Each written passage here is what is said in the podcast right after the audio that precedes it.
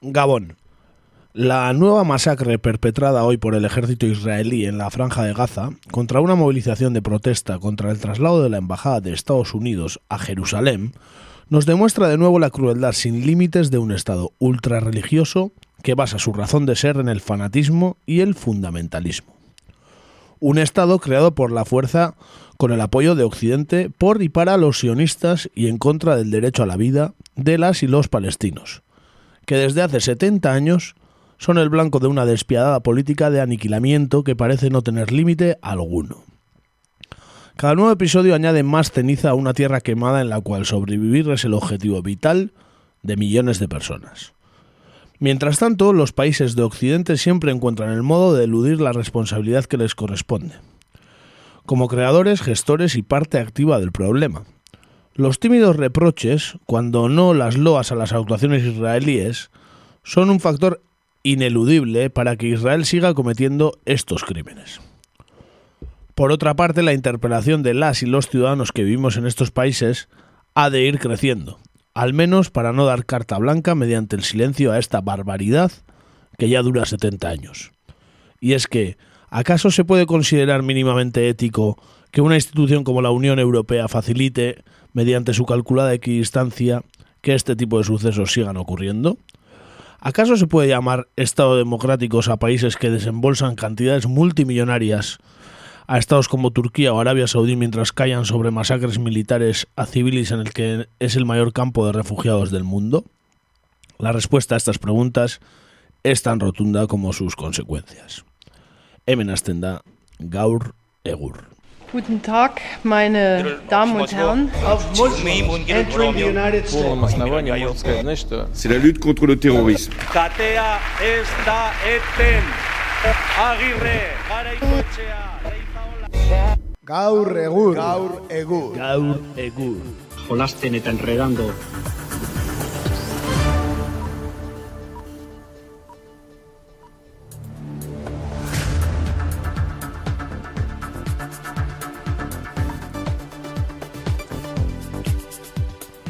Arratsaldeon edo gabon nahiago duzuen bezala entzule, hemen gaude e, zuzen zuzenean kakaintzonako estudioetan, maiatzaren amalaua dugu gaur, eta zortziak eta laurden dira berandu hasi gara, arazo tekniko larria izan bai dugu, izan ere ezin genuen atea ireki. Benetan, benetan arazo larria, ezin bai genuen atea ireki ere egin. Ei, esplikazio, ez, esplikazio metafisikorik ez dago gaurko Bai, bai. honetan, atea ezin zan irek.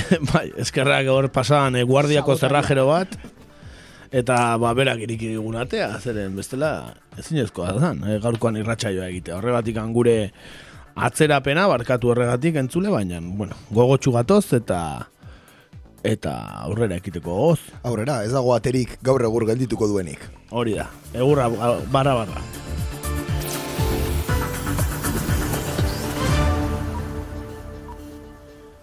Bertan gaur.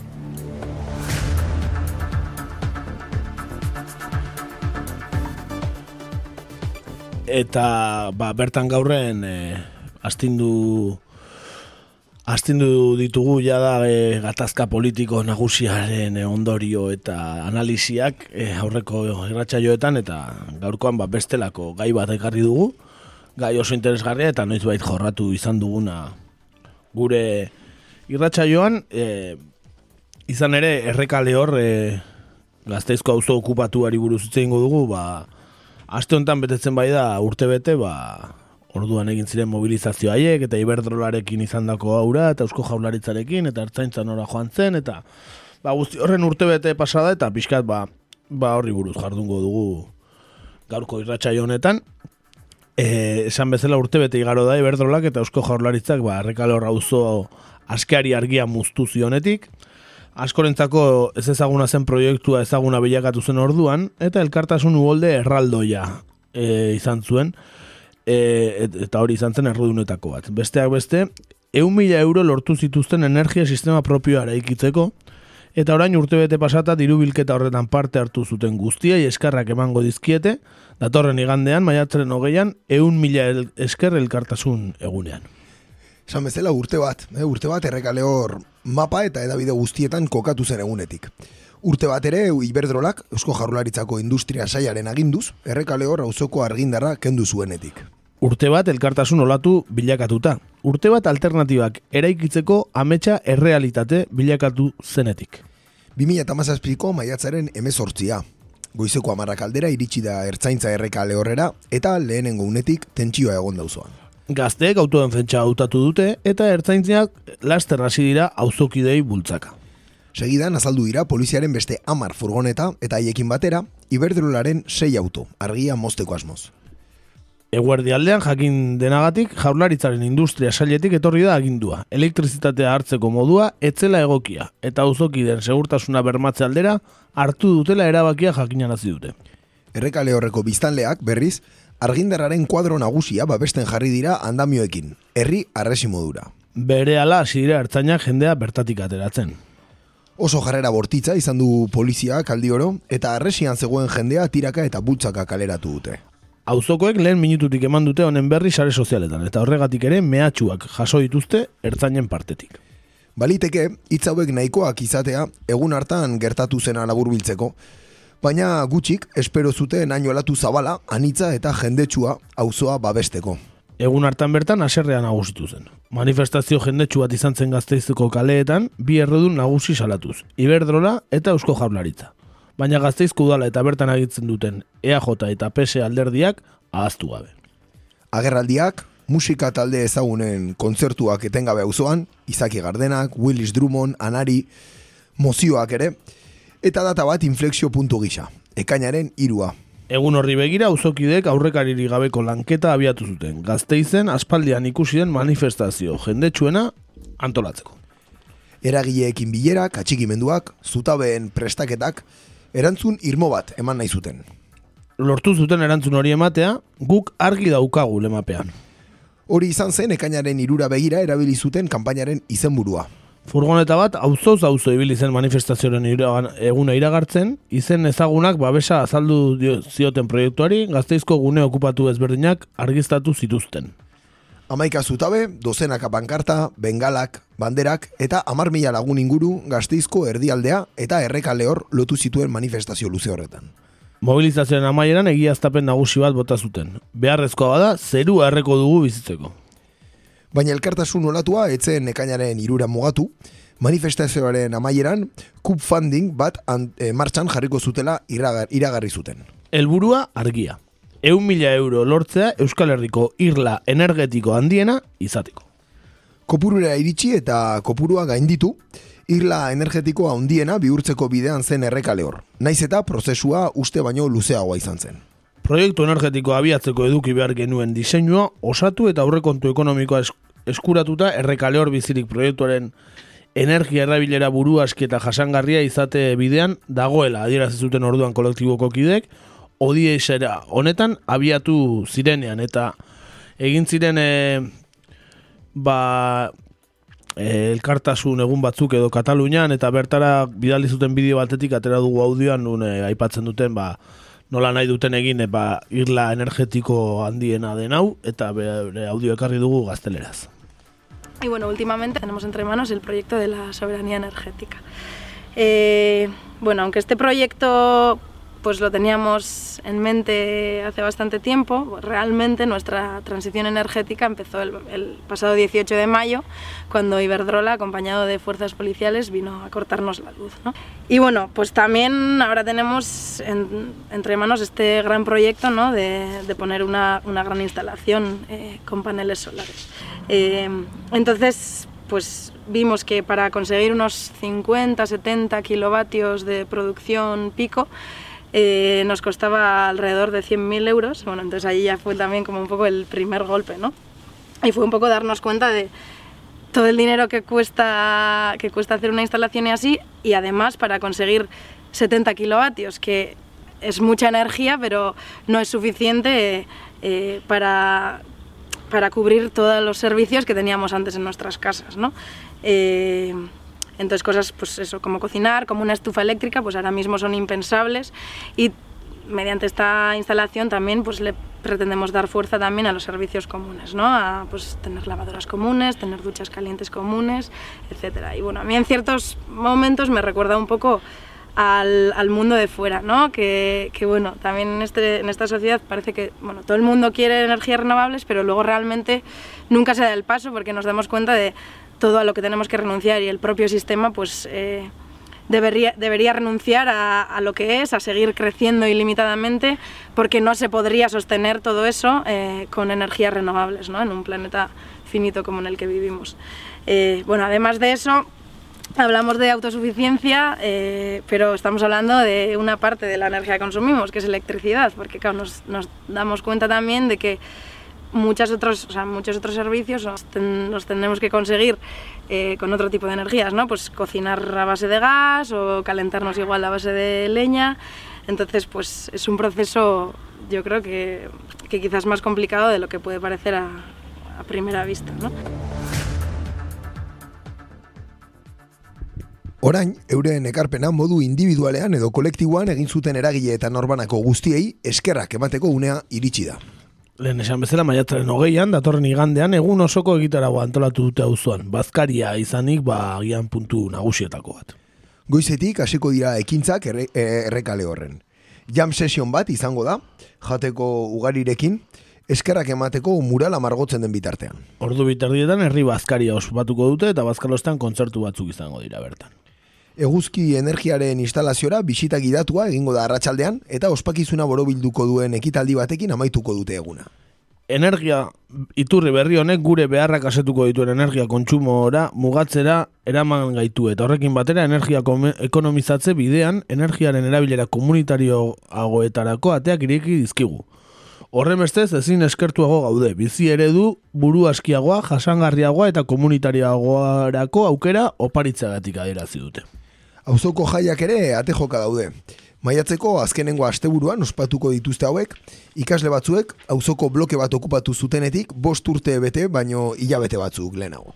Beno, ba horixe barrekale horren urteurrena ospatuko dute, bueno, urteurrena ez, e, gertatu, gertakariago gertatu zirenako urteurrenarekin, ba, eskerrak emateko eguna ospatuko dute, ba, ba, bueno, e, ba, iberdrolak eta eusko jaularitza guzteko zutena, ba, horrekin suntxituko zutela mugimendua, ba, ikusten da ez, ez, indartuta atera direla, eta oraindik ba, buru, auski, buru askiagoak eta, eta, eta komunitarioagoak izango direla errekale horreko biztanleak.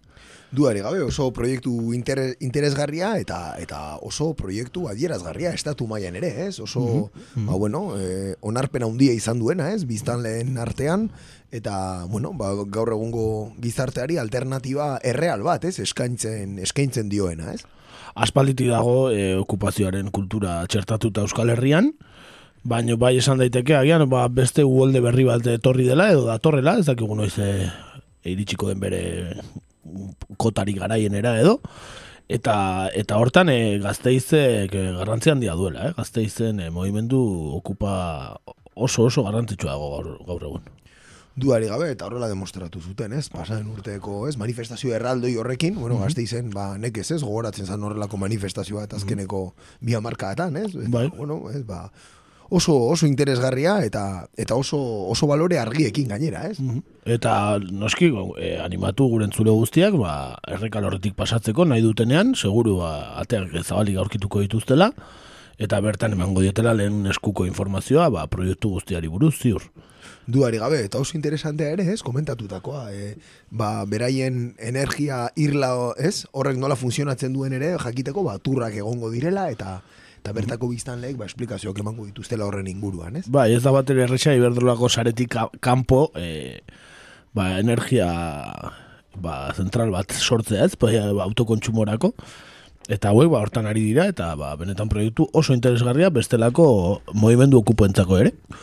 Duari gabe, ez, jende asko ere gerturatu da, ez, estatu osotik, ez, adibidez egon zen manifestazio horretara, ez, Madrietik jendea etorri zan, Kataluniatik ere, baita beste leku batzuetatik ere, Eta bueno, bestaldetik ere komentatzea, ba bueno, ez, Eusko Jaurlaritzak eta Iberdrolak izan duten eta bueno, Gasteizko udalak ere, bai, beren Sanche 21 plataforma horrekin, izandako jarrera, bueno, eh, lotxagarria argumentorik ez duelako, ez? Ba, hombre, eta erabilituten argumentua, e, baratza ekologikoak sortzeko gotan nahi zutela errekalo horreko hau benetan, e, gorka mutur gogorra irazgarri, eh? horrelako eskusa jarrita, ez, aitzakiak. Duare gabe, eta hor oso, oso, bueno, deklarazio gogorrak egin zituen, ez, bere garaian. Piskat ez, e, bere garaian a, e, azkunak, ez, kukutzaren inguruan egindako deklarazioak gogoratu zizkin neri, ez, oso gogor eta esanez, hemen egingo dala legeak agintzen duena, eta, eta udaletxeak erabakitzen duena, ez. E, esan dakoa, polizia bidaliz bada ere, ez? Hau da, elkarrizketarako borondade oso kaskarra eta politikoki inteligentzia nahiko eskasa, ez? Ba, ea, EAJ e, beti izan da, eskuindarra, baina beti izan du arlo sozial hori, edo beti nahi izan du arlo sozial bat mantendu, ez? Eba, dira kristau, demokrata kristauak, ez? ez? Dira, liberalak dira, baina, bueno, beti auki dute hor, baina okupazio movimendua zai bat ere gustatzen inondik inora Euskal Herri guztian, eta oso gogor egiten du EAJak, e, ba, bai Bilbo, bai Gazteizen, bai Donostin, gaztetxeen kontra, etxe okupen kontra, eta eta etzai bat ere gustatzen, eta er, ertzaintza benetan gogor oldartzen, eh? horrelako egunetan. Duare gabe ondo gogoratzen dugu, ez? Ba, kukutza irun gertatutakoa, ez? Nola, bueno, e, egunak inkluso, ez, asteak izan ziren, ez? Mm -hmm. atxilotu asko egon ziren, karga asko ere egon ziren, e, zauritu asko, eta bueno, ba, hori Ba, bueno, tamalez agian berriro ikusteko arriskoa dago ere, ez? Gazte izen jarrera hori ikusita, ez? Bai, eta horren arira, ba, horrengo gaira pasako gara, izan ere, ba, gatazka edo, bueno, oldarraldi hartan, e, errekale horren, ba, egon ziren istiluak, eta istilu hoien parte izan zen alabediko kazetari bat, e, zeina bertan zegoen e, ertzaina iritsi baino lehen, eta orduan izan zen, alabedi izan zen, esan dezagun, ba, komunikabide bakarra barrutikan komunik, e, ba, mezua bidali zitzakeena, eta informatu zezakeena, benetan barrutikan, gero ba, ba beste kordoi bat edo jarri zuela kortzainak, eta ezin ziren bestelako komunikabidetako kazetariak sartu, eta ba, mozal legea aplikatu zioten, Eta ba, urte bete hauetan ba, izan dute tirabira epaitegietan eta horri buruz itzen du mozaldegeaz eta batez ere ba, alabedik eh, jasan duen urte, urte hontan mozaldegarekin jasan duenaz. Duari gabe, ja urtebeteko prozesuaren ostean, Mikel Sainz de Buruaga, eh, alabediko kazetariari, ba, ezarretako isuna berretsi du Eusko Jaurlaritzako segurtasun saiak herritarren segurtasunerako legea aplikatu zioten e, kazetari honi, e, gazteizko errekale horra uzoan, e, ba, bueno, polizia operazio bat grabatzeagatik. Alegazio guztiak baztertuta, mozalegeak zigortutako Euskal Herriko lehen kazetaria izango litzake esaez de buruaga. Alabedik iragarri du amaier arte iritsiko direla, informazio askatasunaren aurkako erasoi aurre egiteko. Salatu dutenez, ertzaintzak egindako txosten faltsu bat da erasoaren oinarria, eta horregatik, administrazioarekiko hauzi epaiketara joko dute ebazpen zehatzailearen aurka. Alabedik aurkeztutako froga guztiak baztertu, baztertu dizkiete, edabideak salatu du prozesu administratibo kafkiarra izan dela. Eusko Jaurlaritzaren jokabidea gogor kritikatu dute, eskubide zibil eta politikoak urratzen dituen lege bidegabe bat aplikatu duelako, eta muntuai puluzial bati babesa eman diolako. Eusko Legebiltzarrak aipaturiko legea ez aplikatzeko konpromisoa hartu zuela gogoratu dute ere prozesu administratibo kafkearra bizi izan dute da dute eta defentsarako eskubide aurratu egintzen zaiela uste dute. Izan ere, aurkezturiko froga guztiak ukatu dizkiete. Ikusentzunezko fitxategiak eta polizien bertsioa auzitan jartzen duten lekukoen adirazpenak tarteko. Gainera, zigor eskaera muntaia poliziala delakoan daude, zalantzari gabe. Gertaeren egunean bertan antolatutakoa baino, gerora eraikitako akusazioa dela uste dute.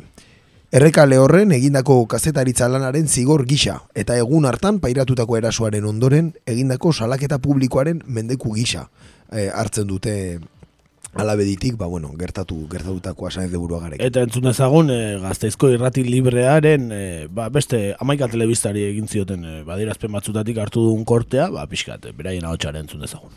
Baiontzeko medioekin alderatuta gu lehenago iritzi ginen eta hori dela eta ba, kordoiaren aurrekaldean, kordoiaren baruan egoteko aukera izan genuen eta bertati bertara kontatzeko kontatu izan genuen nola izan zen argi mosketa hau eta zentzaren jarrera eta bedrolaren jarrera kontatu genuen lehen, lehen eskutik.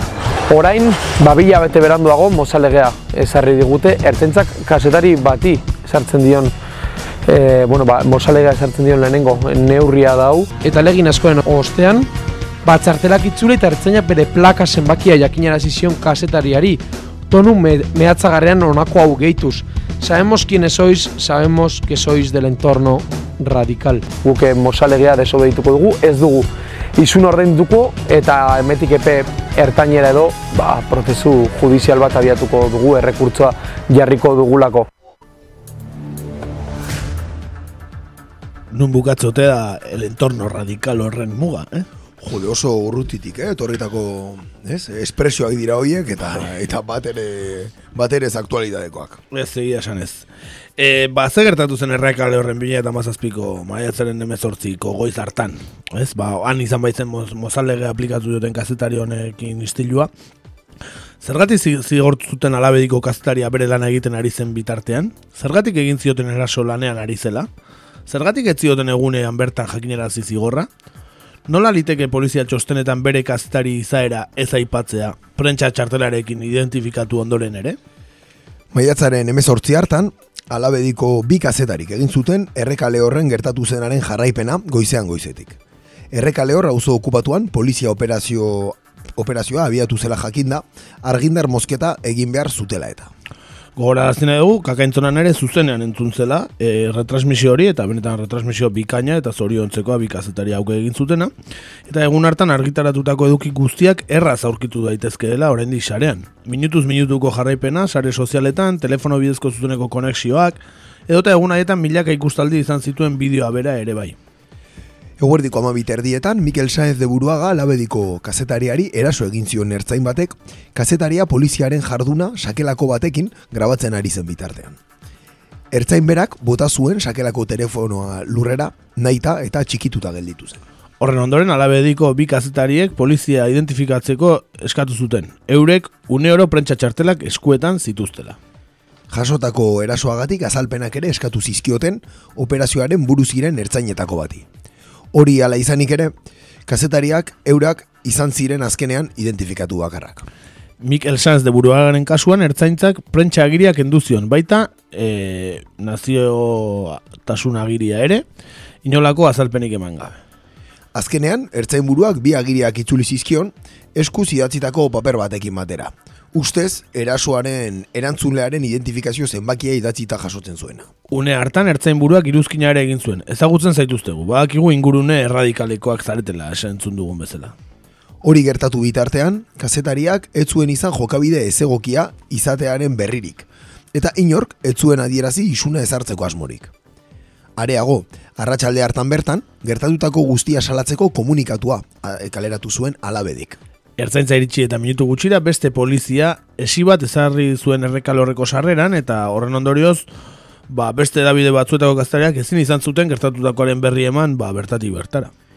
Hala salatu zuten haietako askok auzoaren sarreran bertan. Areago, batzuek alabe diren irudiak ere erabili zituzten gertatzen ari zenaren berri emateko.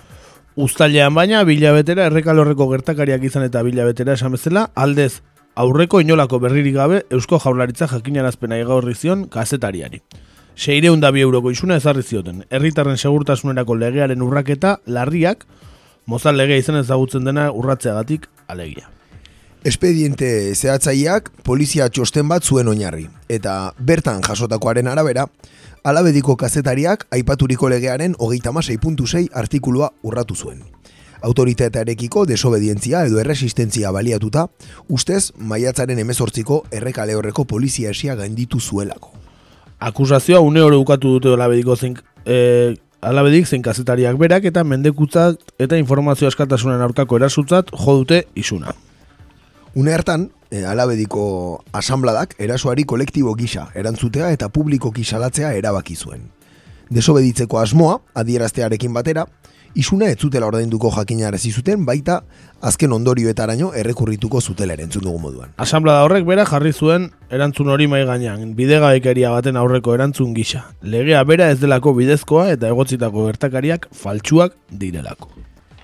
Uztaiaren hogeita zortzian, Euskal Kazetarien Elkarteak eta Kazetarien Euskal Elkargoak komunikatu bateratuak kaleratu zuten informazio eskubidearen aurkako eraso zuzena salatzeko. Informazio askatasunen aldeko elkarteak ere kexa aurkeztu zion Espainiako alartekoari, informazio askatasunen aurkako isunak, arau uste generikoak artean ezkutatzea salatzeko eta isun horien neurri gabeko azkundea agerian usteko. Abuztuan, alabediko kazetariak lehen errekurtso administratiboa ipini zuen. Gerora, zortzi hilabeteko prozesuaren eta sei jakinarazpen ofizial eta bost errekurtsoren ondoren, joan den martxoaren hogeita zortzian, Eusko Jaurlaritzako segurtasun saiak zehapen ebazpenaren jakinarazpena igorri zuen. Mikel Saez de Buruagaren aurkako isuna baiestatzen zen bertan. Prozesu osoan kazetariak indefentsio egoera pairatu duela salatu du alabedik, baita isunaren arrazoia goitik beherako gezurrak direla ere. Hala, beste hainbaten artean, jakinarazpen, elegite jakinarazpen laberintoan zehar, etengabeak izan diren elementuak kritikatu ditu. Hona hemen, hauen laburpena. Espedienteak ez ditu egiaztatzen isunaren oinarri diren gertakariak. Eusko Jaurlaritzako segurtasun sailak ukatu ere egin du Sainz de Buruaga bera prentsa agirearekin ide- identifikatu zenik. Eta alabedik salatu duenez, gai horren inguruan gezurretan aritzea bereziki larria da. Hainbat pertsonak ikusi baitzuten hala izan zela. Ukatu egin dira aurkezturiko bi lekukoen idatzizko deklarazioak, eta horien inpartzialtasuna auzitan ipini da. Alabediko lankideak direla argudiatuta. Horietako bat gertatutakoaren lekukoa zuzena izan zen eta bestea erredakzioan zegoen isuna jaso duen kazetariarekiko etengabeko kontaktuan. Era berean, kazetaria bere lana egiten ari zela frogatzen duten audioak ere badaude. Alabedi irratiarekin zuzeneko hainbat konexio egin baitzituzten egun hartan. Froga gisa aurkezturiko bideoaren balioa ere ukatu egin da. Ez diture delakoan gertakariak bere osotasunean jasotzen. Alabediren esanetan, hori esatea bideoaren edukiaren aurrean ezikusiarena egitea da. Aztu gabe, behin betiko froga gisa, balioko lukeen bideo bakarra, txikitutako sakelakoarekin grabatutakoa izango litzatekela. Alabedik, e, alabeditik salatu dutenez, formula argia da, erruduna da, kontrakoa demostratzen ez bada. Horregatik, gaitzespen argia egin dute. Isula salatu nahi dugu, baina baita prozesu administratibo zehatzago ere, eta mozal legea orokorrean. Prozesuak ezur baten gainean eraikitakoa dela uste dute, eta amaieraino, amaiera, amaieraino iritsiko dela adierazi.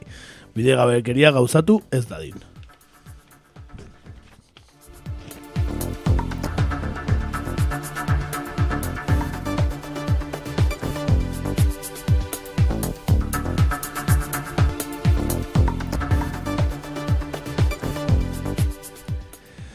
Bueno, eta tamalez, Sainz de Buruagarena ez da kasu bakarra. Mm? Mozal legearen bitartez, zigortutako lehen euskal kazetaria izango litzateke, baina eusko jaurlaritzak zortzi mila alditik gora aplikatu du legea 2008ko ustaietik. Legea ez aplikatzeko konpromisoa hartu zuen ere. Gainera eskubideak urratzeko erabiltzen da eskubide zibil eta politikoak eta adierazpen prentsa eta informazio askatasuna daude jokoan. Alabedik ez du onartuko zentzugabekeria honen oinarrian dagoen premisa.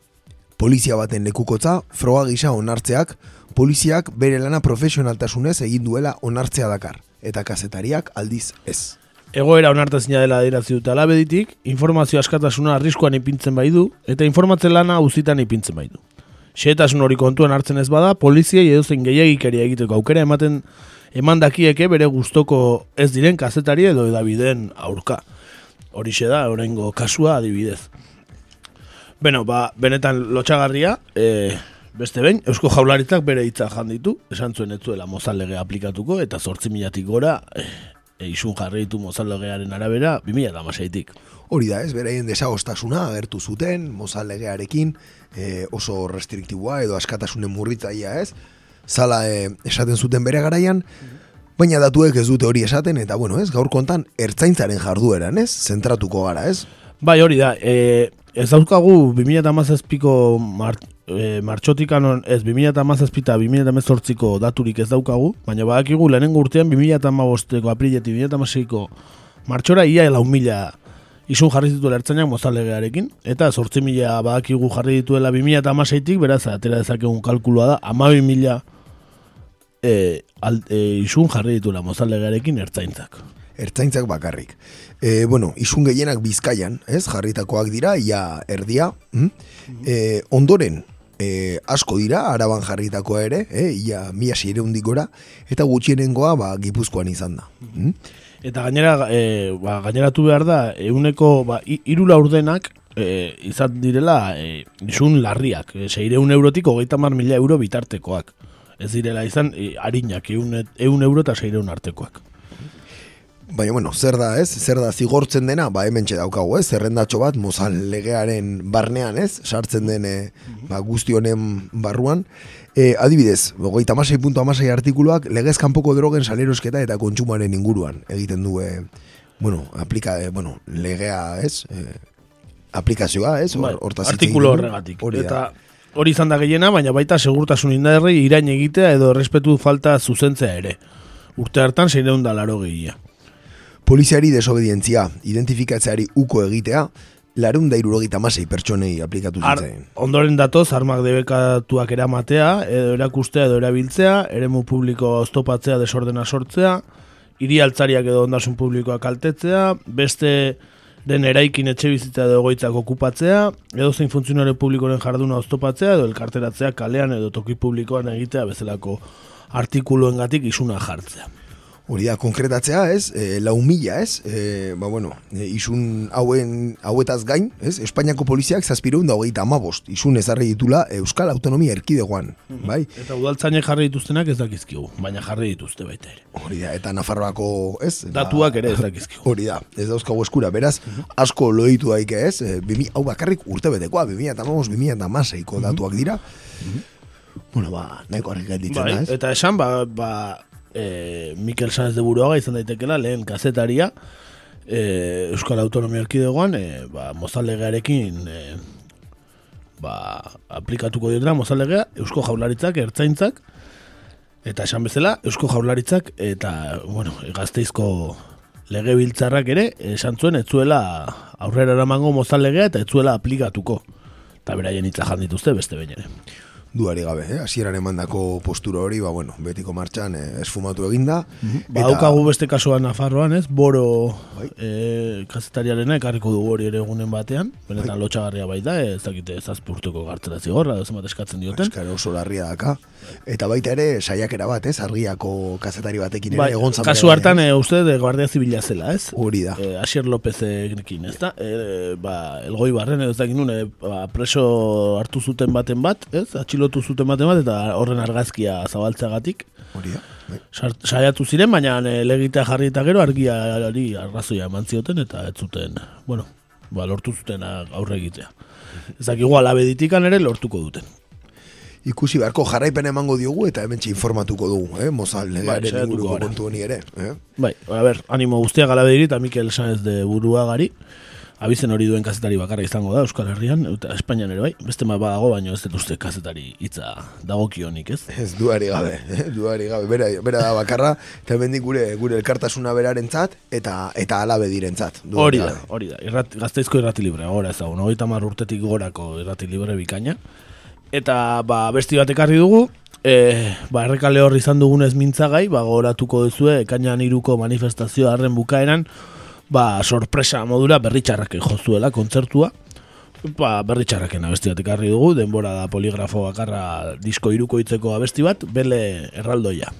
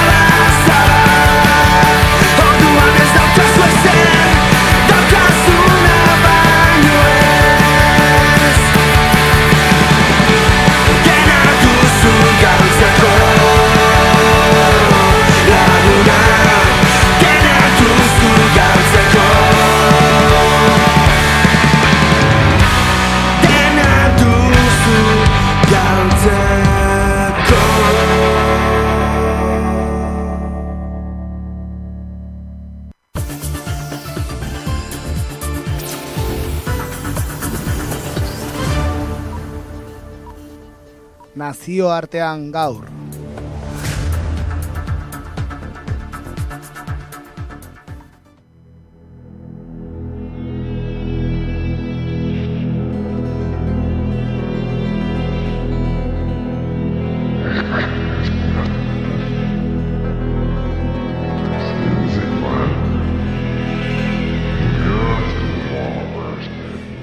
Bueno, pues pasamos a Nacio Arteangaur ¿eh? y bueno, en el día de hoy pues volvemos hasta Palestina, ¿eh? donde el Estado de Israel continúa sometiendo pues mediante el exceso diario a la población de, todo un país por, por la fuerza militar. ¿eh? Y a menudo pues nos preguntamos cómo es posible ¿no? que la mayoría de la población de Israel esté, esté de acuerdo con todo lo que está, lo que está ocurriendo y ha ocurrido en Palestina. Hoy vamos a intentar analizar las consecuencias de- del engranaje que el Estado y sus medios de comunicación afines pues tienen en funcionamiento, más si cabe, después de lo que ha ocurrido estas últimas horas en la franja de Gaza. Eh, recordemos que hay 36 muertos. 52 también he leído ya. Vale, o sea, está aumentando la cifra y ya son más de 100 eh, los muertos eh, desde, desde principios de, del mes. O sea, esa es la situación.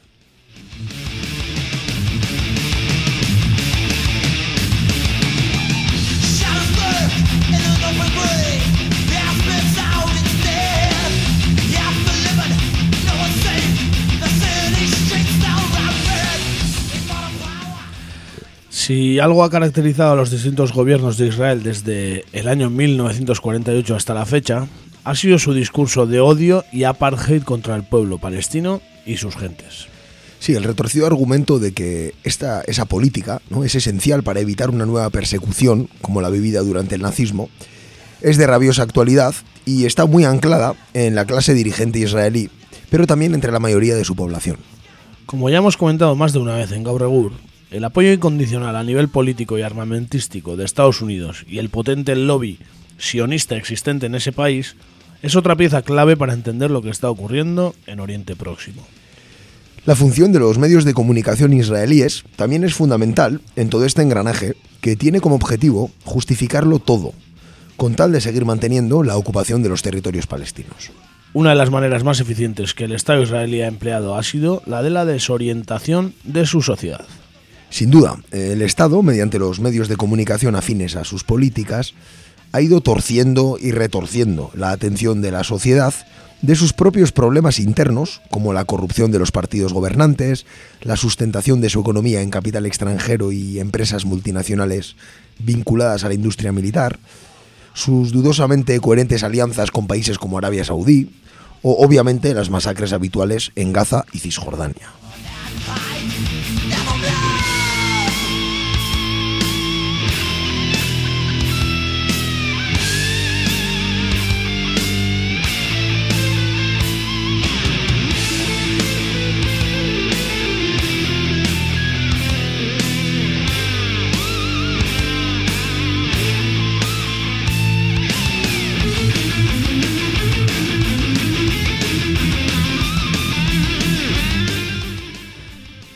En el plano exterior, el modus operandi es el mismo. El bombardeo constante de noticias sobre los sucesos de la guerra en Siria o los ataques contra la República Islámica de Irán, el acuerdo nuclear desvían la atención sobre la política colonial que Israel impone a millones de personas mediante la usurpación de su territorio y cultura, pero también mediante el saqueo de sus recursos. A la colonización hay que sumarle las agresiones que el Estado israelí lleva a cabo en países vecinos como Líbano o su apoyo táctico y militar, encubierto, a organizaciones de la órbita yihadista en Siria e Irak. Tampoco podemos obviar la política de asesinatos selectivos que lleva Israel mediante su potente aparato de inteligencia, el famoso Mossad. Sí, los asesinatos de científicos iraníes vinculados al programa nuclear, o el reciente crimen cometido en Malasia contra Fadi Mohammad al-Batash, un inventor y profesor universitario de 35 años, oriundo de la Franja de Gaza, son un botón de muestra de la actividad de la inteligencia israelí.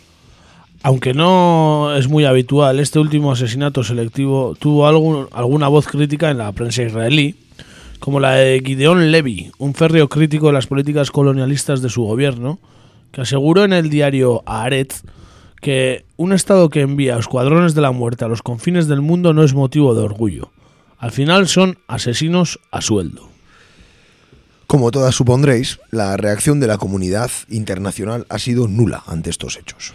No requiere de mucha imaginación pensar en cuál sería la, reacción de la comunidad internacional si Palestina, por ejemplo, mandara a ejecutar a miembros del Mossad o a científicos israelíes que trabajan en el diseño de armas que se usan contra la población en sus territorios.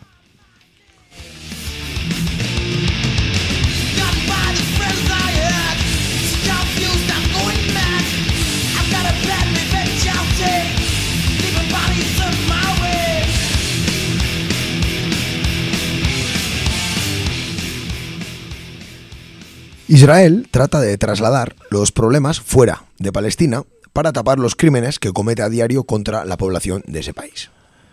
Recordemos las tres ofensivas contra Gaza realizadas estos últimos 10 años en los cuales mediante bombardeos indiscriminados la aviación israelí cometió, según expertos de la ONU, crímenes de guerra. 3.800 palestinas y palestinos fueron asesinados, la mayoría civiles, entre los cuales se encontraban cientos de niñas y niños. Además, más de 15.000 personas fueron heridas. La teoría instaurada en la opinión pública israelí es fielmente retratada por el ultraderechista ministro de Defensa israelí y famoso en nuestro programa, Desde luego.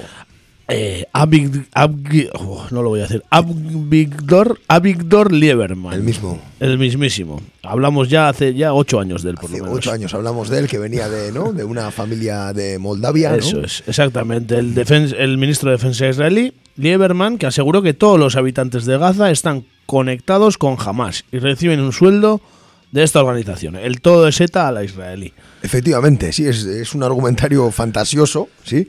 Que ha servido para seguir dando pie al todo vale, ¿eh? algo nos suena, contra la población palestina, al que además de las ofensivas militares hay que añadirle 11 años de bloqueo económico contra Gaza y su población. Las recientes agresiones militares contra ciudadanas y ciudadanos palestinos que participan estas semanas en la que se cumplen 70 años de la Nakba, la catástrofe que dio, que que dio lugar al inicio del éxodo palestino, en la gran marcha del retorno son otras de nuestra otra muestra de la actitud israelí y de la condescendencia de su opinión pública al respecto.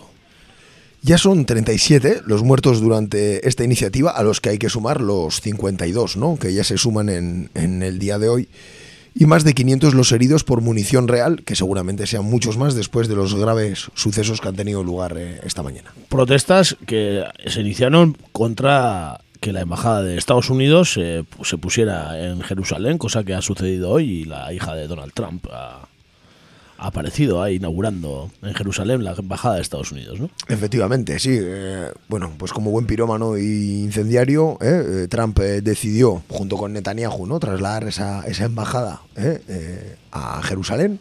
Y de hecho ni siquiera la han construido. Han cogido Han puesto una placa en una pared y han dicho, aquí va a estar la embajada. Efectivamente era un edificio ya construido, no sé si no era un consulado de Estados Unidos, como no ha dado tiempo y era eh, tenía bastante relevancia y urgencia para el gobierno israelí, pues bueno, sencilla- sencillamente han cambiado de edificio.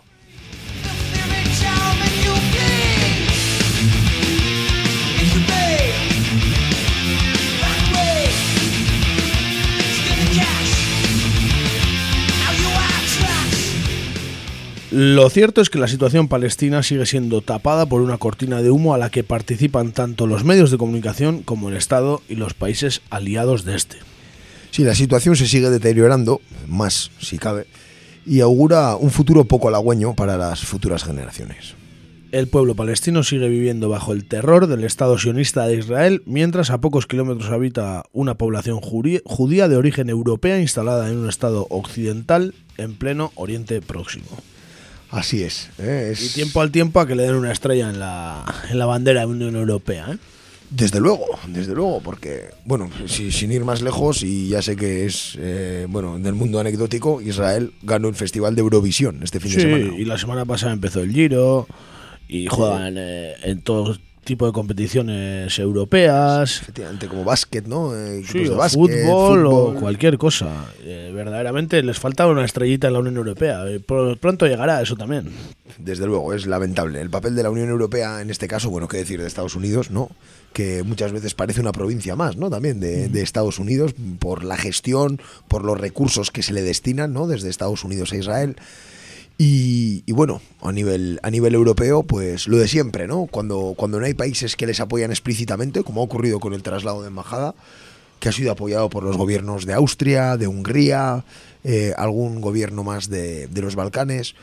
Eh, bueno, los demás hacen críticas tímidas, eh, que no van a ningún sitio, son conscientes de ello. Y, y bueno, es verdad que en muchos países también el, el lobby, el lobby sionista eh, tiene mucho poder, como es por ejemplo el caso en Francia, ¿no? Sí, o en, en Gran Bretaña, en Inglaterra también. Eh, y en Estados Unidos eh, más si cabe. Pero también en Rusia. Tampoco vamos a ir a, a ningún lado. No, no es solo de- del eje occidental, vamos a decir. No, sin duda, de hecho Netanyahu se reunió con Vladimir Putin la semana pasada. Es decir, hay, hay un, un- un juego en torno a Israel que está muy calculado y, y por otra parte hay obviamente un interés eh, inconfesable, que es mantener Israel a toda costa y a costa de todo. es Claro, decir, claro. eh, únicamente por... Saltándose a la torera todas las leyes internacionales, utilizando armas y municiones ilegales eh, según las Naciones Unidas, eh, esas bombas de, ¿no? Como unas bombas de fósforo, ¿no? Que Sí. están terminadamente balas explosivas, bueno, unas cosas terribles. terribles y, y sobre todo la mayoría de las víctimas de los ataques de Israel siempre son civiles, Sí, sí. lo cual es algo eh, completamente lógico si nos referimos a Gaza, donde, eh, si no me equivoco, es el lugar del mundo con mayor densidad de población. Viven casi 3 millones de personas. Están, En- en afina- están afinados ahí. Es, un desastre. es un campo de co- concentración gigante. Siempre hemos dicho, ¿no? Que los sionistas están haciendo lo que les hicieron a sus abuelos los, los nazis, pero con los palestinos. Efectivamente, y, es una situación que está ahí y que lleva ahí décadas, ¿no? Y que, que nunca ha tenido realmente desde, bueno, desde la creación del Estado de Israel y, y el éxodo de la población que allí vivía, de los palestinos, que nunca ha tenido una respuesta eh, internacional de ningún tipo. O sea, se ha dejado hacer durante 70 años. Sí, y, y aunque algunos gobiernos han, ¿no? Me acuerdo del gobierno de Zapatero que, que promovió hacer eh, conversaciones, ¿no? Entre palestinos y e israelíes y tal, pero bueno, han sido anecdóticos y, y también es destacable el papel de los medios de comunicación, incluso los que se autodenominan de progresistas o de izquierdas. Bueno, dejan de, de contar un montón de información sobre las barbaridades que hace Israel en Palestina. Sí, son muy pocas las organizaciones o medios de comunicación que se atreven a criticar al gobierno. Hay que decir también que existen, ¿no? Hay eh, organizaciones eh, israelíes, ¿no? Con ciudadanos israelíes que, que denuncian las vulneraciones de derechos humanos en Palestina y que hacen un trabajo excelente, ¿eh? Todo hay que decirlo, porque siempre, ¿no? Hablamos de lo malo y también de vez en cuando, ¿no? Cuando hay un, un grano de arena, ¿no? En el desierto hay que decirlo, ¿no? Pero, pero bueno, realmente es, es un desastre y después de, de lo de hoy pues, pues parece ser que la tensión va a ir, va a ir en aumento, claro. Están llamando a la intifada también, ¿no? Desde Palestina.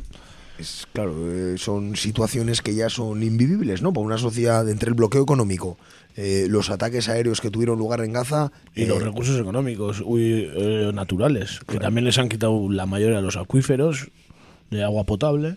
Efectivamente, ¿no? Más la construcción de más colonias, ¿no? En, en territorios, eh, bueno, que se consideran como palestinos. Entonces, bueno, ese es un, un desastre, ¿no? Una, una, una medida tras otra va, va empeorando la situación. Hay que destacar además, porque siempre parece que, que los ultrarreligiosos son los musulmanes de la zona, y hay que destacar que, que el Estado de Israel es ultrarreligioso, es sionista, es de, de una parte de la religión de los judíos, que es la que promueve que tenían que llegar, que tenían que volver a su tierra prometida que pone en un libro de hace 3.000 años, así hablando Así claro. sencillo, así sencillo.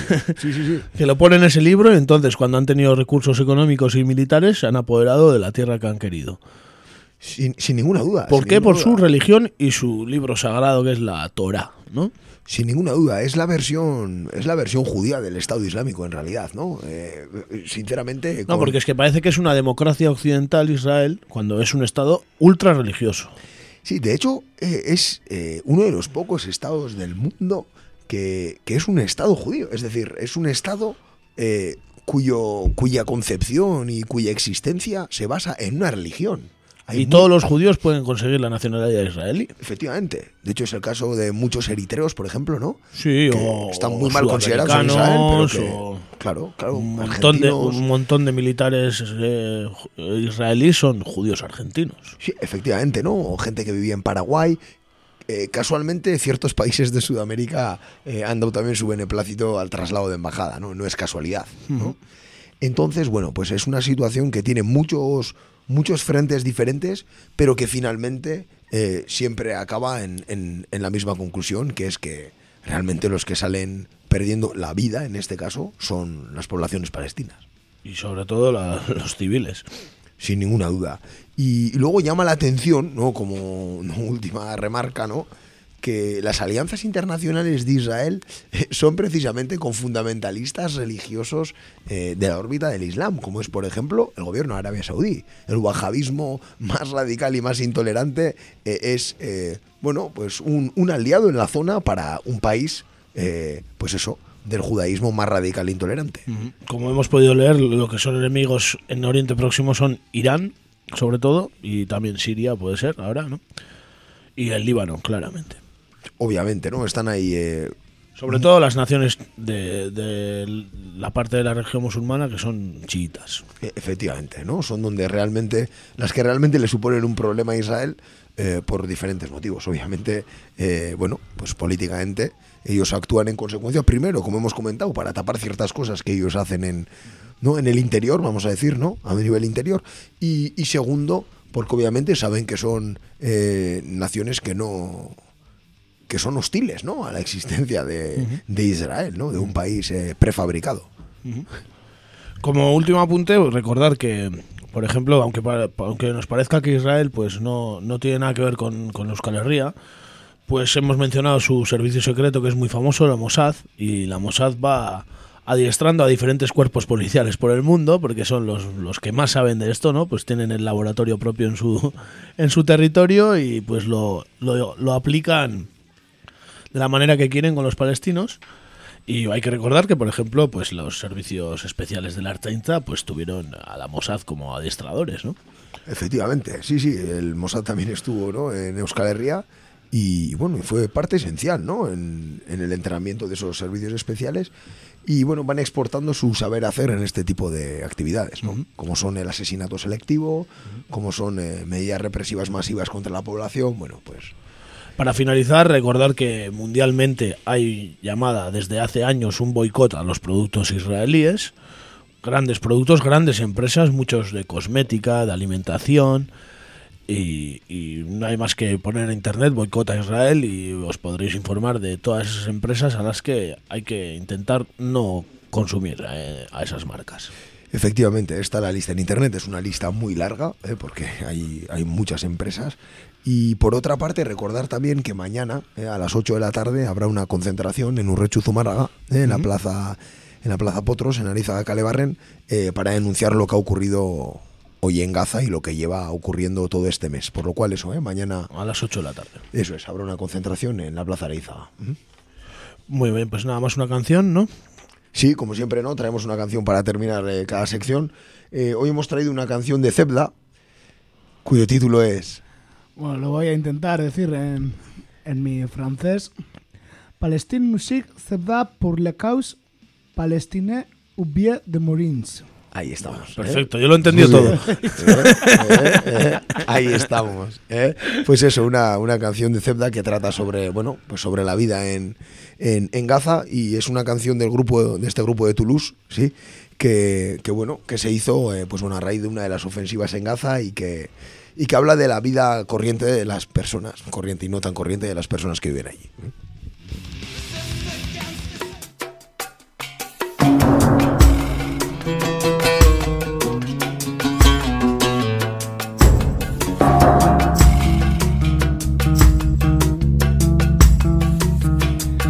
Je suis né dans un pays qui n'existe pas. Je suis né sur une terre qui n'est plus à moi. Une terre occupée, une terre piétinée, une terre autonome sur le papier. Je suis né sous les youyou et les cris de joie. Je suis né après bien d'autres dans le camp trop étroit. La mer était ma frontière, mon sanctuaire pour oublier les colons, le blocus et la misère. J'ai grandi bercé au son des récits de l'exil. J'ai grandi au creux des vies suspendues à un fil, le fil d'un espoir tenace dans l'impasse. Un jour, nous aurons notre place. Nous aurons notre place.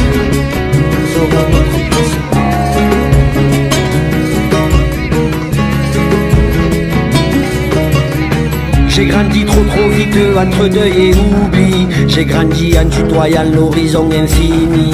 Le sable chaud sous mes pas me portait vers l'au-delà. Je serai si grand, si fort, on ne verra que moi. J'ai vécu à Gaza sans jamais en sortir. J'ai vécu de jour en jour sans remords ni soupir Malgré les barbelés, le couvre-feu, les blindés J'ai chéri au fond de moi le rêve d'en échapper rêve d'en échapper le rêve d'en échapper.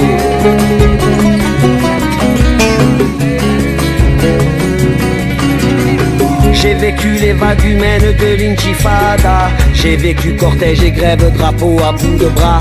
Nous chantions à plein poumon notre passion. Tandis qu'au-dessus de nous paradaient leurs avions. Je suis mort à ton menti d'une balle perdue. Je suis mort assassiné par un homme inconnu Qui croyait faire son devoir en tirant dans le brouillard Sur des ombres ennemies aux armes dérisoires. Je suis mort comme mille autres mille après mille avant. Je suis mort un soir d'automne, un soir de ramadan. Mais je ne voulais que vivre, vivre libre. Je ne voulais qu'être libre. Je ne voulais qu'être libre. Je ne voulais qu'être libre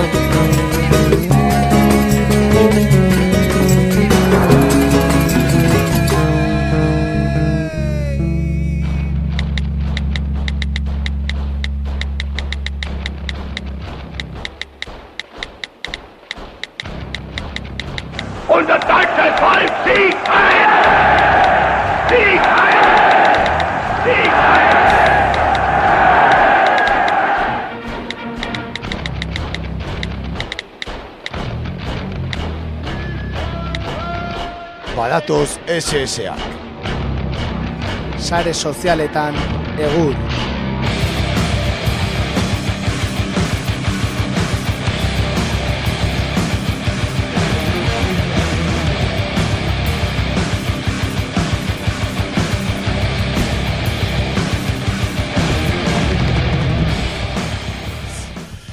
Eta sare sozialetan zer daukagu baste honetan? Bueno, deneterik pixka bat ekarri dugu, ez? Nahiko bario pintoa izan da, aste buru honek eta aurreko asteak eman duenaren arabera.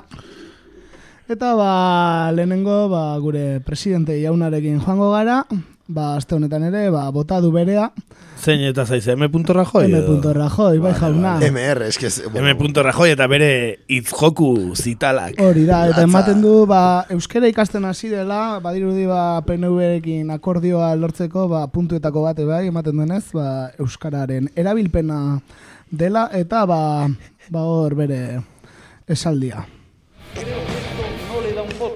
Esto le puede hacer perder votos y hacer que mucha gente no se lo tome en serio, porque ve que está usted de aprovechategui en un tema importante. Ba, hortxe aprobetxategi. Os, Mm, o- bueno. Euskaraldiko zati bada, hau, eh, berakin hitzein omen dutela, eta hori. Bai, ez? Bueno, berez euskera euskera ez da hitza, eh? Bueno, eta deso dago. bueno. Lantzen ari da, hori, jolasten eta endredando, ba, poliki Ah, poliki, claro, claro, ez, claro. ba, Carlos, Carlos se queda cuchico, tío. Hombre, Por cierto, hombre, por sesión de acordeón, un poco de euskera, Mariano. Barka, huen, datu sangrante moduan, eh? eh bueno, aurreko jolasten eta enredando egon zen eh, eh, Lisboan, Eurovisioneko A Lisboa izan zen. galan. Bai, jolasten eta enredando, eh? Ondo, bai, atea zan, eh, kaletik, eh, Carlos? Carlos, boi, boi, boi. Ah, baina ze Euskal Herria ordezkatzen, akordioak no? Eh, bai, bai, hor egon zan, hor ikusi mendizaleak, tita. Kalean jotzen ahora, Hori eh, txapela jarri eta... Bai, eta de repente, nora eh, Ernesto Gasco agertu zan, eta behakin dantzan ebilo ben zara, hor. Ah, bai, ostra, tope. Ernesto Gasko dantzan ikustea izango da, ja, Ernesto Gasko gehi Mikel Izeta, bueno, bar, barko jote, eh? ya te digo, vamos, eh, muy bueno. Vale, vale, oso ondo, Mariano, ba, euskara ikasten baldin bada, ba, hori. Ba, abenduan amaika egun euskeraz bakarrik, egingo ditugu Marianorekin. Hori da, ba. Bueno, eta urdinetik naranjera salto egingo dugu, Ciudadano salderrira joango gara, eta ba, Arkadi Espadak dio, ba, pide castigar a las mujeres que den a luz a hijos tontos, enfermos y peores. Algo sabe. Pues se queda sin motos ciudadanos, Arkadi. Bai. eta, ba, eta hildo horretan ere Javier Nart, beste ciudadanoseko kide batek, si la mujer tiene una tara de origen, tiene que esterilizarse. Joder, Eso es súper, súper, que suena como muy, muy, muy nuevo en política, ¿eh? Bai. Bai, bai, o, bueno, ver, a ver, martxan zortzien emakumean alde agertuko, ja, gero, noski. Eta, bueno, Madre mía. hitz gogora. Eh, ciudadanos, eh, o sea, ya... Esamen un geroz eta gehiago ez da geroz eta gehiago, ya da, pues, ultra eskuinean, baina, baina hor, Ondo kokatzen eh. nahi da, bai, bai, bai. Ba, batzuk egian Bai. Espainian engaina duta zeuden hor, ez dala PP Light bat, edo, pe, ez, ez, hauek egor, etorri dira, eh? Bai, Ma Macron eh, bezala diala esaten dugu, baina nik uste ma Marinekin gehiago auketela igual, eh? Dai denbora kontua izango da, berarekin biltzea, bai, bai, bai, bai. Bai, bai, benetan, Albert. Bueno, baina esatute presidentetarako, eta, bueno, dio, luze, luzea da hau, eta Mariano zeo zer badaki honetan. Hombre, Mariano, un plato es un plato, compañero. Muy español y mucho español. Bueno, gero beste txio batekin joango gara, eh, la manada auziaren inguruan, Fonsi Loaizak idazten zuen. Se llama Antonio Manuel Guerrero, guardia civil de la manada. Ha escrito carta denigrando a la víctima, atacando a los chavales de Alchazu y dando las gracias a los medios que están dif- difundiendo los datos de la víctima. Sigue cobrando el 75% de su sueldo y este año se lo han subido. Ba, hortxe bere kritika, ez? Jo, bai, eh, Esaten dana un gudari. Son desde luego, reglas. Desde luego. Bo, ba, gaur kriston gutune idatzi omen du la tribuna de Cartagena egunkarian. Eh, Egunkari hori de, hola, hone- honenetakoa, ez? Uste dala, ez? Desde luego, bai, bai, hor bere zuzendariak aurrekon kriston editoriala idatzi zuen, lamanako epaiaren arira, e, hori justifikatuz, ba, bueno, e, biktimak esandakoa gezurra zela, eta hor manipulazio ikaragarria egon dela, una confabulación, no?, contra los acusados, eta gaur bere gutun bat, e, bere gutun bat kaleratu dute, eta, eta bueno, esandakoa, bai, e, oixe, biktimari... Dana zaku berdinak, venga, biktima eh, arrazoik emanez, altxasukoak sartu, besteak, komunikabideak, baina egia da, komunikabide eskuindar asko, benetan, eh, ba, ba, posizionatzen nahi diala, oso posizio, ba, defendatzen zaietan, eh? Eta hor daude, egunero daude telebistan, la, la sektan eta hoietan, eh, danetan, egunero daude, hor daukagu gure Eduardo Inda maitea, eta Paquito Maruenda, eta hori dana, go. Jimenez dos Santos, bai, bai, bateria guzti hori, kabernako jendea. Bai, bai, eta ja eskurrupulo bat ere gabe, ba, ba, lau aizetara dirazten, ba, benetan matxista hutsa direla, eta inungo lotxari gabe gainera. Inungo lotxari gabe, de hecho, bueno, esan dakoa, eh, bueno, biktimaren, ez, bortxaketaren biktimaren eh, datuak ere, ez, kaleratu dira, eta eta ez da egon orainko inungo ondorio legalik. Benetan e, latza, kasua, eta goratu ezagun aparroko e, gobernuak e, ba, errekurtsoa jarri behar duela, ez, epaiaren eta ba, ea, ea zeo zer lortzen den. Bueno, ba, jarraituz, eh, beste webkune batetara joango gara, alerta digital deritzo... Izena bikaina, momentuz. Benetan osona, bai. Eta ba honek Katalunian ba, gaurko gaurko egoeraren buruz jartzen zuen, ba, gogoratu, ba, Quintorra izango dela eh, generaliteteko president berria. Eta ba, titularra alerta digitalen horrela zetorren. La CUP decide abstenerse y da luz verde a la investidura del psicópata Quintorra, la putita catalana de Carles Puigdemont. Periodist, periodísticamente hablando, Hauek ez dituzte itxiko ez, eh? Komunikabide hauek, eh? Hauek, hauek ez. Hauek ez dituzte itxiko ez. Gero, haotxa.info eta hoi dana, bai, baino... Desde luego, eh, bai, bai, periodísticamente hablando, da, da, eh, ez dakit, irakurri daik ez un okerrenetakoa, ez? Inungo Psikopata, putita de puzdo, eh, momen, zer da?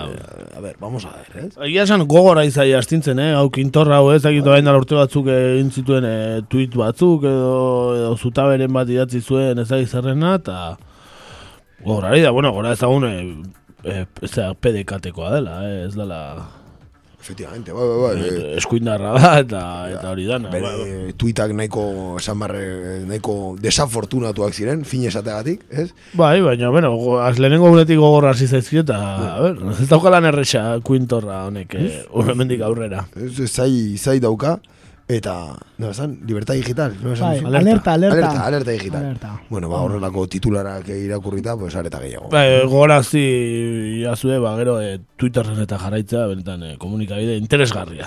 Alerta digital, Aquí tenéis unos seguidores, libertad digital. hori da, alerta digital, fa, falange basko navarra, eta guzti hauek benetan e, jarraitza jagea, eta jarriko dugu listan hau ere. Bat gehiago, venga, autopea. Bueno, ez gara Kataluniatik aterako, baina bai gai ez aldatuko dugu, eta ba, Ruben Wasenbergek ole, horrela idazten zion Guardia Zibilari. Hola Guardia Civil, diría que Aixo de Penja in the interior de vuestra caserna de Sant Andreu de la Barca malaurament es ilegal. Eta argazki bat ateratzen zuen, ba, San Andreu de la Barcako kuartelaren za, e, leku batean, ba, marihuana landare batzuk zeudelako. Ui, ui, ui. Ai, ai, ai, ai, ai. Eta erantzuna Guardia Zibilak badu. Eta horren ziren, no, no es ilegal, porque obedece a un tratamiento de la droga incautada previo a su destrucción con una cadena de custodia controlada y con procedimientos supervisados judicialmente. Eta honek, ba, ikaragarrizko txiopila ekarri du ondoren. Una cadena custodiada con unas cachimbas, ¿no? Oietako asko, va, claro, se destruye quemándolos en pequeñas eh, porciones, envueltas en papel muy fino, y para que no se y para que no se apaguen hay que aspirar de vez en cuando. Beste batek. Se mezcla con tabaco, se enrolla en papel de fumar y aspirando por un poco por un extremo, mientras se quema por el otro, se va destruyendo el alijo incautado poco a poco. Efectivamente, en una cadena de custodia impecable y lega- legalmente completamente acordada con el criterio legal. sea, Orduan Guardia Zibilak marihuana lanzatzen du Kataluniako kuarteletan. Ondo. oso, no, de, de cadenas de custodia algo sabemos Hombre, aquí, es ¿eh? que Algo sabemos. Zo zein marko zuten piolinen barku nahi enbeste denbora, enbeste ordu, ez? Ba, ez, ba, ba, zuten. Afaria txarra bazan ere postrea bintzat, ez? Hori da, hori da. Hori da. Joder. Gose egiteko. Ona, ona, oso, oso ona, eh? Joder. Bueno, eta ba, amaitzeko, ba, Eurovisioneko galara salto egingo dugu, eta ba, dato kuriso iruditu zaigu, ba, e, horrela idazten du, Aaron Duk, Tupek idazten du, Israel, Israel bombardeando Gaza hoy. Neta, ganadora de Eurovisión 2018, perteneció a la Marina israelí que participó en la masacre de Gaza en el 2014. Ah, bai, eta zer da neta hori, abeslaria? Abeslaria da, neta bai. da, bai, abeslaria da. Baina emakumezko bada, edo? Bai, bai, uste, bai, emakumezkoa Uste du da, baietz, uste baietz. Eta bai, bai, militarra bai. izan zen, edo? Bueno, Mili- es que han... bai, ez, eh, militarra claro, bai, obligatorioa da, Obligatorioa da, claro. Obligatorioa urteko, uste du gainera, hiru urteko servizio militarra egiten dutela. Etzen ez da ere obligatu obligatuta joan, eh? Bai, desde luego, ez? Ez du ematen. Bikain, eh? Bikain Eurovisionen, eh? eh, Israelek irabazi izan eta gainera personaje hau izatea, ez? Irabazi duena. Bueno, Lehen esan duguna, ze, Eurovisionen ze pintatzen du Israelek, eh, lehenengo eta bain. increíble, o sea, Bueno, increíble. lehenengo eta bain, ze kristo existitzen da Eurovision, hori lehenengo eta bain. Baina, bueno. Aurreko Twitterren eh, Jonathan Martínez, eh? jakintxoari Bai. irakurri moduan, yo en Eurovisión voy con Baltonic. Muy bien, bai. Bai, Ona. que, por cierto, le han dado 10 días de plazo para Ah, ingresar en la cárcel. ah, bai. bai, bai, bai, amara gune eman dizkiote. Bartonik. Eta, Eta Carlosek zema puntu eta zituen Eurovisionen, Euskal Herria ordezkatzen, ba? Eh, ez dakit akordeoian gero arazon bat euki omen zula. Bai. Con Ze, el- ze bestuzun, itxasontzi baten? I, itx, bai, itxasontzi baten, eta gero, ba, gero ibili izan ere, eh, jolasten eta enredando, botoi bat izorratu zitzaion, geizki bukatu zan asuntoa. Gero Ernesto Gasko hasi zan abesten, bueno, o sea, lío bat izan zan. Ah, Eh? bueno, Espe Espainiak eh, 12 points, ez? 12 points, por cierto, bueno, España 12 points, abeslarietako bat, Nafarra delarik. Iruña, Iruñarra, por Ah, cierto. bai, amaia izeneko. Hori da, Amaia, Amaia España. Eh, Eta besta katalana igual? Eh, Ez, Asturiarra, uste dut, Ah, bai, bai. Asturiarra, bai. Ah, vale. Por cierto, kriston, ja, kotilloan sartzen Kritika gara. pixka, bai, kristoren kritika behon dira, ez dakit, ba, komentarioren baten inguruan, ez dakit. Egurra eman diete, Bai. berak mutilak neskari, oparitu ziolako liburu bat, San Jordi egunean, Albert Planena. Ojo. Eta uste dut, ez daiz gogoratzen tituloaz, eh? baina uste dut zala... Eh, España de mierda. Eso es, España de mierda, uste dut bai, zala. da, bai, bai, bai, bai. Ba, eman diete kriston egurra, eh, Bai, sare sozial, gauza, bueno, kontu bai. horrengatik. Bai, bai, bueno, eh, representatzen zuten herrialde eta zalantzaren bat bali zuten, ja ez daukate. Eh? Bai, bueno, ba, ondo, Espainia ordezkatzen Espainia de mierda izan zeken abestia ere, bai. Igual, igual puntu goio bateago zituzten. Bai, bai, bai, dote go, eh, vamos. Frantsesek eta portugesek fijo bozkatzen dizute. Bai, bai, eta beste batzuk ere bai, Eh, seguro. Carlosek bai, seguro. Hombre, hombre, seguro. Eh? Por la Bueno, gogoratzarren, Espainia atzetik hasita laugarren gelditu zela, eh? Ah, bueno, ia podiumean, orduan. Oso ondo hori da, desde luego, eh? Beti horre, ai, rozando el límite, eh? Medalla de chocolate. Que pe- eso es. bueno, bueno, bueno, joder, ba, ez da gutxi izan, eh? Aste honetan gertautako ere. Ba, oso ondo, ba, besti bat baukagu orduan, o... Hori da, bueno, e, lehen da bizi, ba, mirentxineko lagunek bidalitako Ah, bai, testu bat irakurriko dugu, gogoratuz, ba, asteburu honetan mirentxin eguna ospatuko dela urretxu zumarragan, hain zuzen ere, ba, urretxu zumarragako gaztetxean, eta ba, bazkaria izango dela, eta ondoren ba, ekintza ezberdinak, eta gauean ba, kontzertuekin amaitu. Zortaz ba, e, goiz goizetik hasiko da jaia, goizean em, autokarabana ilara egingo da, gero e, guardi partean e, potro senparantzan ba, ekitaldia izango da, eta ba, beraiek ba, testu txiki bat bidaldu digute, eta ba, irakurri egingo dugu poliki-poliki. Miren txin txin txin, kaixo eta ongi etorriak. Sakabanaketak dituen ondorio lazgarriak arintzeko asmoz sortu zen orain dela emeretzi urte mirentxin gidariak. Eta badira zazpi, urretxu zumarragan ere taldea osatu genuela. Gure helburua asteburuko astebururo milaka kilometro egitera behartuta dauden euskal preso politikoen senide eta lagunei laguntzea. Alden neurrian, inor bisitari gabe geratu ez dadin. Gure asmoa, gidari izateaz gain, istripu arriskua gutxitzea eta senide eta lagunei bidaian lasai joateko aukera eskaintzea da. Gidatzeaz aztu eta bisitan pentsatzeko aukera izan dezaten, elkar ezagutuz eta esperientziak elkar trukatuz. Horretarako, bederatzi furgoneta eta zortzireunda berrogeita mar bolondresek parte hartzen dugu senide eta lagunak kartzela ezberdinetara erame, eramanez. Baina, baina naiz eta borondate on guztia izan, ez da nahikoa espetxe guztietara iristeko. Badakigu, gure lanarekin ez diogula arazoari irtenbidea ematen, benetako konponbidea dispertsio politikaren amaiera eta presoen etxeratzearekin helduko bai da. Ezin ditugu aztu gugandik gertukoak izanagatik hain urrun ditugunak.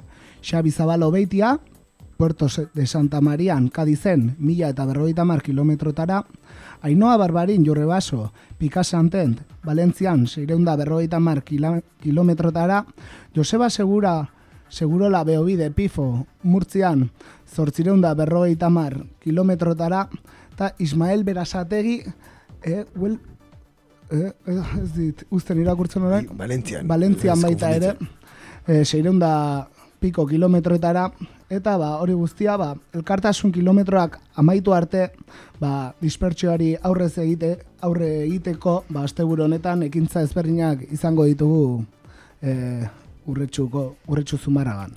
Hori da, bai, karabana, e, furgo karabana, amaika terdietan e, potrosetik, ekitaldia gero potrosen bertan, bazkaria gaztetxean, eta tiketak daude osaban eta apatxen, e, animatu zaitezte erostera, Eta gero kan, kantu herrikoiak, e, afaltzeko aukera ere egongo da gauean, eta gauean sonido la metraia eta trikuarri taldeek ba, joko dute ba, urretxu zumarrako gaztetxean larun bat honetan, maiatzaren emeretzian. Egun oparoa, eta bueno, esan dakoa, eh? guztiok gonbidatuta. Eh? Bai, urtero ja, Zaudete. ja agendan ezarri da eguna, mirentxin eguna, e, gure herri hauetan, eta ba, urteroko zita ja esan dezakegu dela, eta urten ere ba, ez galtzeko modukoa. Duari gabe, eh, eta ezinbesteko, ezinbesteko lana, ba, bueno, ez, eh, senidei laguntza emateko, eta Eta egoera zaienetan ere, ba, gauzak eh, pixkat bada ere, ba, erresteko. Eh?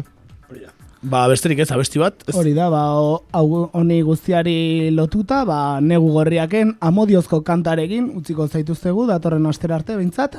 Ezin bea. Eta ba, hori ba, ondo segi. Eta Hori da, eh? deno, ba, bueno, Hori da. gaiztuk izan eta astelen entzuten. astean hemen bueltatuko gara, ja denboraldiari bukaera ematen ari gara, eta ez dira irratsaio asko geratuko, baina datorren astean hemen izango gara. Atea irikitzen ba, irikitza lortzen badugu bentsat. Hori da, eh? esan dagoa, aste hona izan eta gaiztuk izan. Aio.